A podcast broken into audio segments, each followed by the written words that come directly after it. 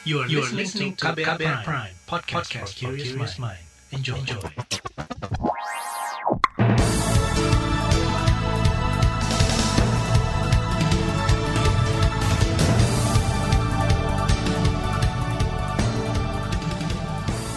Halo apa kabar saudara? Inilah Buletin Pagi hari ini 26 Januari 2020. Pagi hari ini seperti biasa sejumlah informasi telah saya siapkan untuk Anda. Di antaranya, pemerintah didesak tangani pelayanan kesehatan pengungsi Nduga. Jokowi ingatkan pentingnya menjaga toleransi di Indonesia dan Pemprov Jateng terima ratusan ribu dosis vaksin tahap kedua. Bersama saya, Reski Mesanto, inilah Buletin Pagi selengkapnya. Terbaru di Buletin Pagi. Saudara, ribuan warga Kabupaten Duga, Papua hingga kini masih mengungsi di Kabupaten Jayawijaya sejak akhir 2018 lalu. Warga mengungsi karena khawatir menjadi korban dari konflik bersenjata antara aparat keamanan dan kelompok bersenjata di wilayah itu. Salah seorang pengungsi, Rocky Gwijangge, mengatakan, selama dua tahun mengungsi, ia dan pengungsi lainnya tidak bisa berobat ke fasilitas kesehatan karena tidak memiliki biaya. Selain itu, mereka juga tidak memiliki identitas penduduk Jayawijaya sehingga tidak bisa mendapat layanan gratis. Ia mendesak pemerintah setempat mencari solusi terkait pelayanan kesehatan terhadap mereka. Ya, kalau kita berobat di sini tuh disuruh bayar. Ini kami di rumah sakit Kabupaten Jayawijaya, bukannya diduga. Jadi kamu berobat di mana kami tidak tahu. Ya kartu-kartu yang ada kita pakai itu atas nama pemerintah kabupaten juga, maka mereka ditolak begitu. Salah seorang pengungsi, Rocky Gwijangge mengklaim, berulang kali mendesak pemerintah Kabupaten Duga berkoordinasi dengan Pemkap Jayawijaya terkait penanganan kesehatan pengungsi. Klaim pengungsi Duga di Jayawijaya tadi juga dibenarkan sukarelawan untuk pengungsi Duga Raga Kogeya. Ia menyebut sebulan terakhir belasan warga Nduga di berbagai lokasi pengungsian di Jayawijaya meninggal. Sebagian besar korban tidak mendapat penanganan medis karena terkendala biaya. Catatan sukarelawan, sekitar 400-an pengungsi Duga di Jayawijaya meninggal sejak 2018 hingga akhir 2020. Sementara itu, Saudara Dinas Kesehatan Kabupaten Duga, Papua berdalih, pendataan penanganan kesehatan pengungsi Duga terhambat posisi pengungsian yang tersebar di wilayah yang sulit dijangkau. Kepala Dinas Kesehatan Duga, Ina Dwi Jangge, belum bisa memastikan berapa jumlah warga asal kabupaten itu yang meninggal di pengungsian di Kabupaten Jayawijaya. Ia hanya menyebut lebih dari 10.000 warga Nduga dari 11 distrik yang masih mengungsi berhubungan dengan faktor geografis yang sangat sulit. Buku kota Kenyam berada di dataran rendah dan yang distrik-distrik yang mengungsi ini mereka mengungsinya terpencar-pencar sehingga saya butuh waktu untuk uh, mendata itu semua. Dari satu kabupaten ke kabupaten distrik itu butuh helikopter. Kepala Dinas Kesehatan Duga Ina Dwi Jangge mengklaim telah berkoordinasi terkait bantuan pengungsi Duga dia menyebut Kementerian Sosial telah memberikan bantuan logistik kepada pengungsi di 2020 lalu. Namun kata dia, bantuan itu ditolak sebagian besar warga imbas kebijakan adat Ninduga. Kebijakan adat yang ia maksud adalah larangan menerima bantuan jika terjadi peperangan. Saudara Bupati Kabupaten Jayawijaya John Richard Banua menyarankan pemerintah Kabupaten Duga berkoordinasi terkait layanan kesehatan gratis kepada warga Duga yang mengungsi di kabupaten mereka. Koordinasi antara lain soal administrasi warga. Hal itu agar mereka bisa mendapat layanan kesehatan gratis di Jayawijaya. Kabupaten Duga sama sekali tidak pernah ada berkoordinasi dan kami saya pernah mengundang Bupati dan Sekda untuk membicarakan tentang pendidikan dan uh, pelayanan kesehatan. Tapi itu tindak lanjutinya tidak ada sampai sekarang dari pemerintah Duga. Apabila pemerintah Duga mau berkoordinasi, kami akan siap membantu mereka. Harusnya itu yang pemerintah duga melakukan, bukan uh, membiarkan masyarakatnya seperti itu. Bupati Jayawijaya John Richard Banua mengklaim sudah menyurati kepala daerah di kabupaten sekitar Jayawijaya untuk berkoordinasi. Tujuannya agar ketika ada warga yang sakit dan dirujuk rumah sakit di Jayawijaya dapat dilayani meski tidak memiliki biaya. Sementara itu, Saudara, Kementerian Koordinator Bidang Pembangunan Manusia dan Kebudayaan atau Kemenko PMK mendorong pemerintah daerah di Papua menyelesaikan masalah kesehatan pengungsi Duga. Hal itu disampaikan Deputi Bidang Koordinasi Peningkatan Kesehatan Kemenko PMK Agus Suprapto. menanggapi kasus belasan pengungsi Duga yang tewas di Jayawijaya karena diduga tak mendapat penanganan medis. Ia berjanji akan menindaklanjuti persoalan ini. Maka kita akan berkoordinasi dengan pemerintah daerah tempat karena kesehatan juga berditanggungkan tanggung jawab pemerintah daerah tempat kan gitu.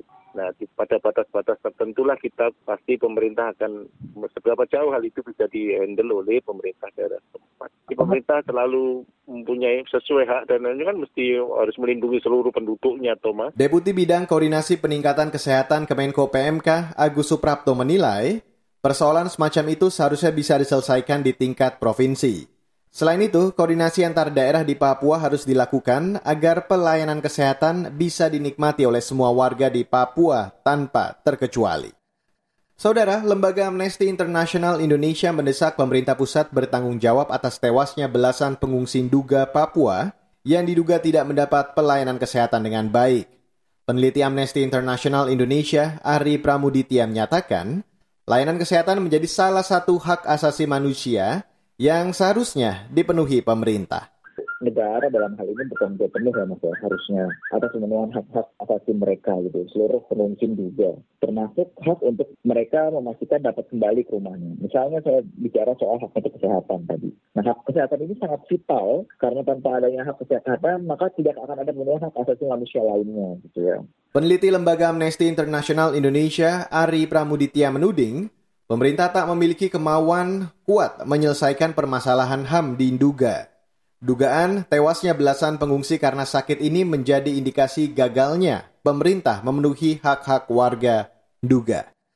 Saudara, KNKT lanjutkan operasi pencarian data percakapan kokpit Sriwijaya Air. Informasi selengkapnya akan kami hadirkan sesaat lagi. Tetaplah di Buletin Pagi, KBR. You're listening to KBR Pride, podcast for curious mind. Enjoy!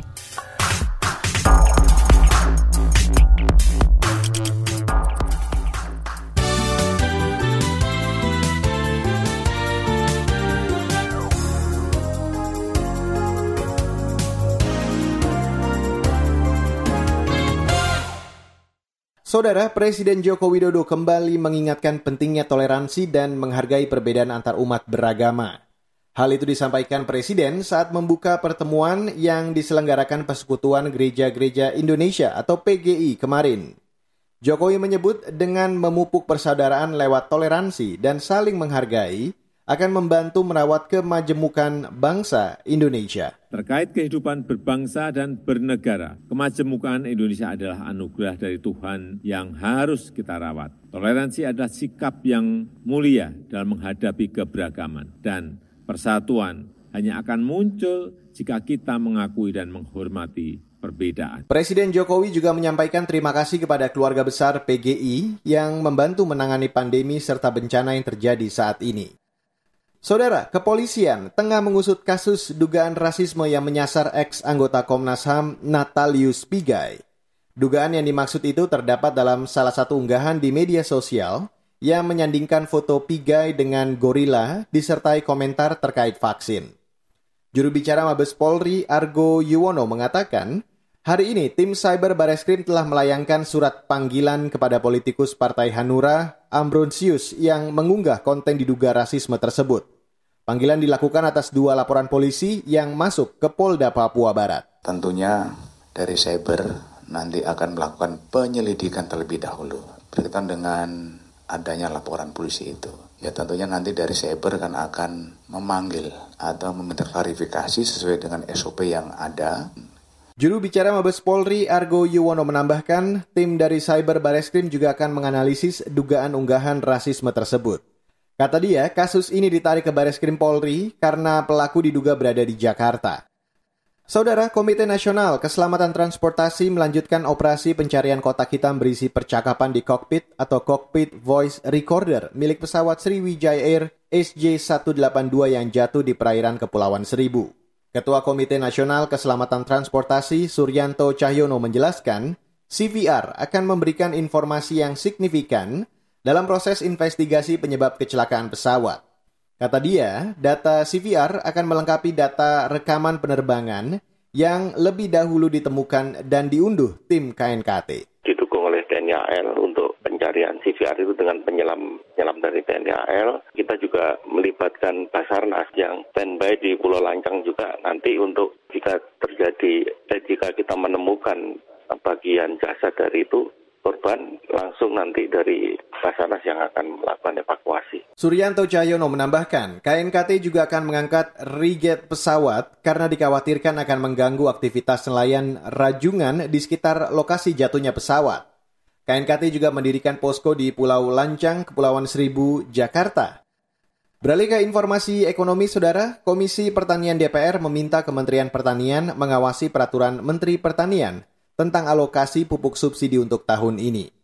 Ketua Komisi Bidang Pertanian DPR RI, Sudin, mengatakan, berdasarkan data dari PT Pupuk Indonesia, terdapat 57 kabupaten kota yang belum menerbitkan surat keputusan atau SK pupuk subsidi.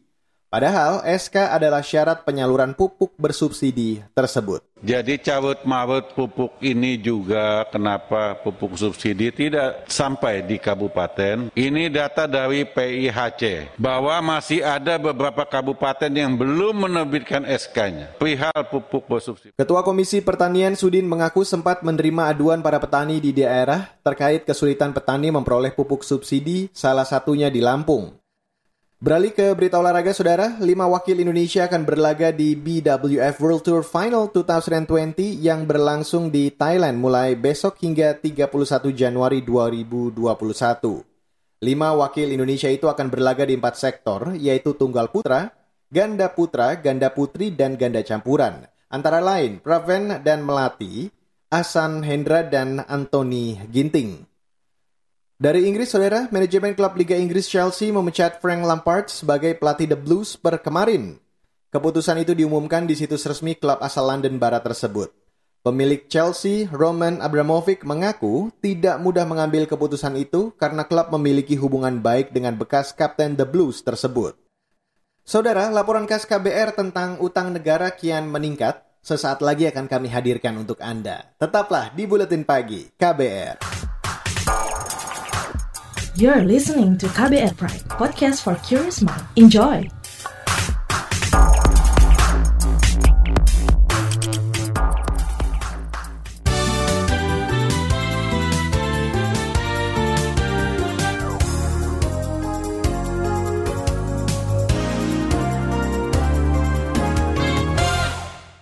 Saudara, penutupan buku di 2020 diwarnai dengan utang negara yang meningkat lebih dari 6 kuadriliun rupiah.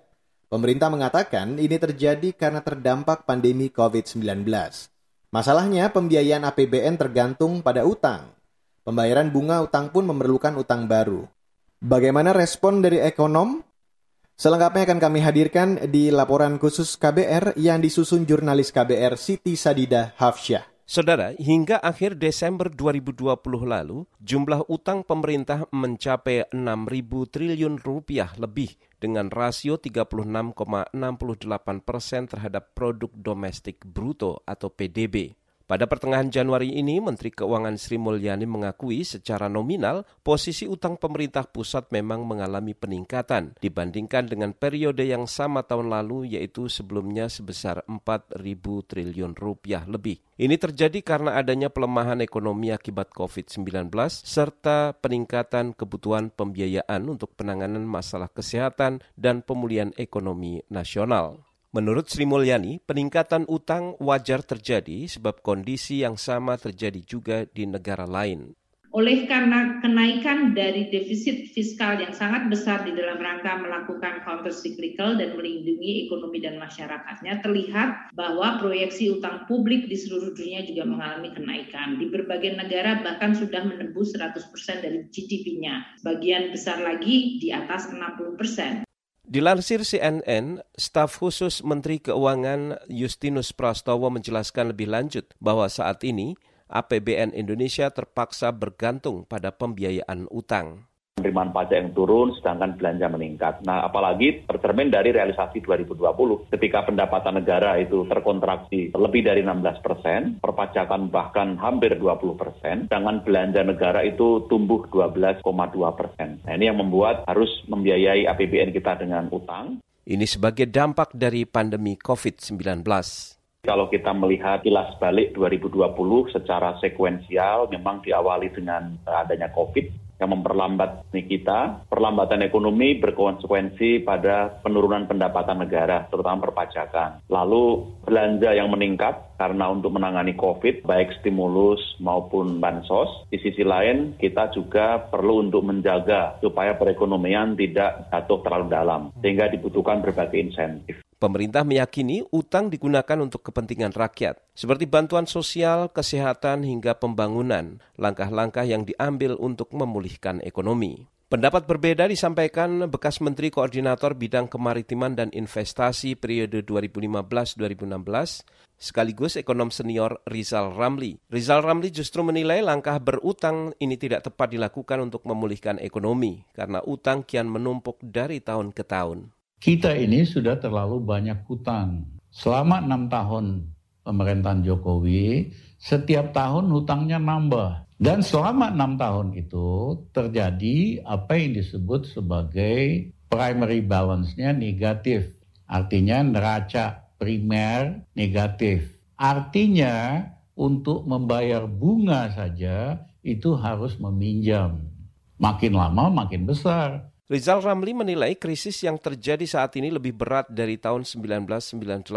Ia memandang pemerintah Jokowi tidak memiliki prioritas kebijakan. Jika dibanding ketika tahun 1998, pemerintah sebelumnya menghentikan sementara proyek pembangunan besar selama dua tahun. Pemerintah saat ini justru tetap melanjutkan pembangunan yang menuntut pembiayaan besar sehingga negara memperbesar jumlah utang. Sementara Direktur Eksekutif Lembaga Kajian Ekonomi Indef Tauhid Ahmad mengkhawatirkan mengkhawatirkan hal serupa. Oh, infrastruktur tinggi sekali di tengah situasi begini. Harusnya ada orang untuk mendukung sektor kesehatan besar-besaran begitu. Ya, kan kesehatannya harus dihentikan duluan gitu. Bansosnya diberikan sehingga masyarakat memang harus di rumah eh, menjaga agar mereka tidak ke mana-mana, agar kesehatannya lebih positif. Ia mengatakan dampak tidak langsung akan dirasakan masyarakat di masa mendatang. Ke depan, ekspansi fiskal akan terbatas begitu juga dengan pelayanan publik kalau misalnya normal kita hanya utang katakanlah biasanya kan tambahannya ya 200 triliun rata-rata itu ekspansi fiskal kita masih normal. Artinya pelayan publik masyarakat bangunan jalan, jembatan dan sebagainya itu jauh lebih banyak. Nah ketika utang bertambah kan harus dialokasikan untuk bayar pokok dan bunga. Ekspansi fiskal punya beban karena kita sebagian harus bayar bunga utang pokok. Nah ekspansi fiskal berkurang artinya apa? Pelayan publik dalam jangka panjang itu mengalami tekanan tidak bisa ekspansi katakanlah penambahan infrastruktur baru dan sebagainya akan semakin berat. Tauhid Ahmad berpendapat seharusnya pemerintah mengoreksi batas aman rasio utang terhadap APBN karena Indonesia bukan negara maju. Nah sekarang dengan mekanisme bahwa utang melalui SBN itu seperti pundi-pundi yang nggak jelas begitu. Dia bisa digunakan untuk apa aja. Sehingga penambahan utang yang terlalu besar dengan mekanisme yang terlampau mudah itu uh, seleksi untuk efektivitas utangnya menjadi kurang bagus. Ketika negara-negara berkembang atau kecil itu harusnya harus diseleksi ulang. Tidak bisa dijadikan petokan bahwa 60% PDB sebagai benchmark karena itu buat negara-negara maju. Berdasarkan catatan Bank Dunia, Indonesia menempati urutan ke-6 dari 10 negara berpendapatan kecil dan menengah dengan utang luar negeri tertinggi di dunia. Apabila dibandingkan posisi utang luar negeri Indonesia tahun 2019 dengan 10 tahun sebelumnya, maka ada kenaikan sebesar 124 persen. Laporan ini disusun Siti Sadida Hafsah, saya Agus Lukman. Saudara, informasi dari daerah akan kami hadirkan sesaat lagi. Tetaplah di Buletin Pagi KBR. Commercial break.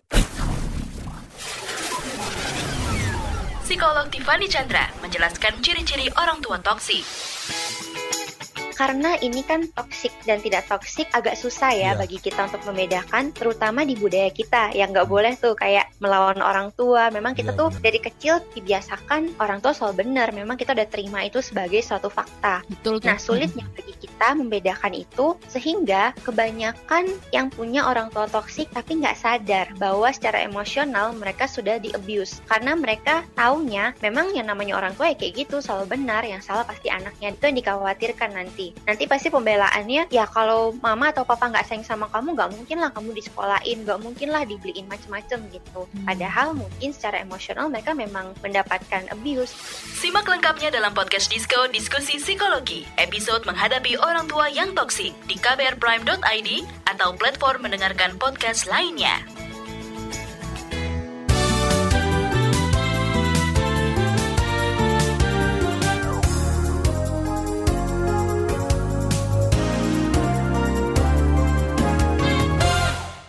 Dan saudara, inilah bagian akhir dari buletin pagi hari ini. Saya ajak Anda ke Jawa Tengah. Saudara, pemerintah Provinsi Jawa Tengah menerima ratusan ribu vial vaksin produksi Sinovac tahap kedua dari pemerintah pusat.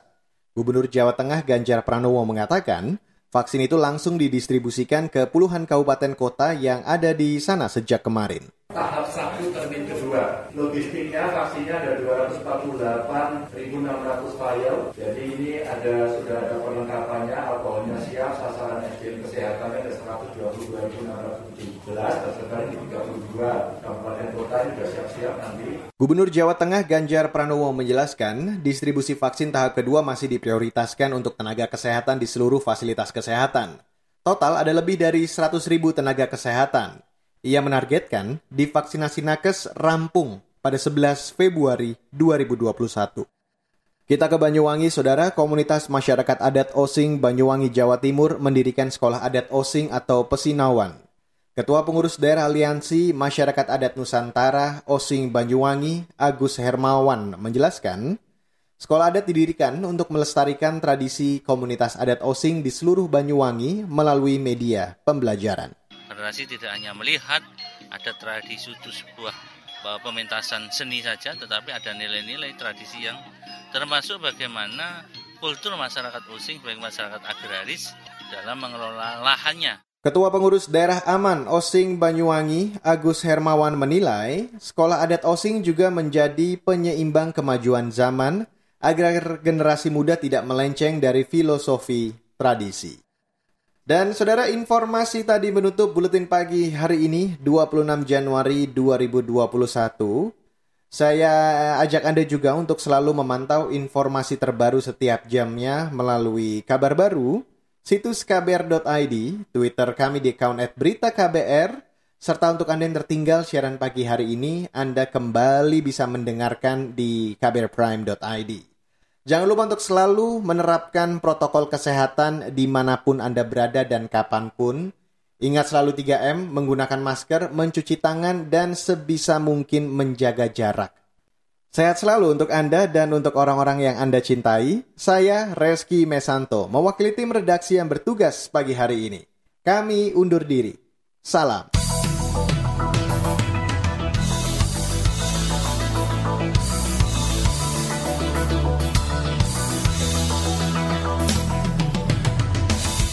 KBR Prime, cara asik mendengar berita. KBR Prime, podcast for curious mind.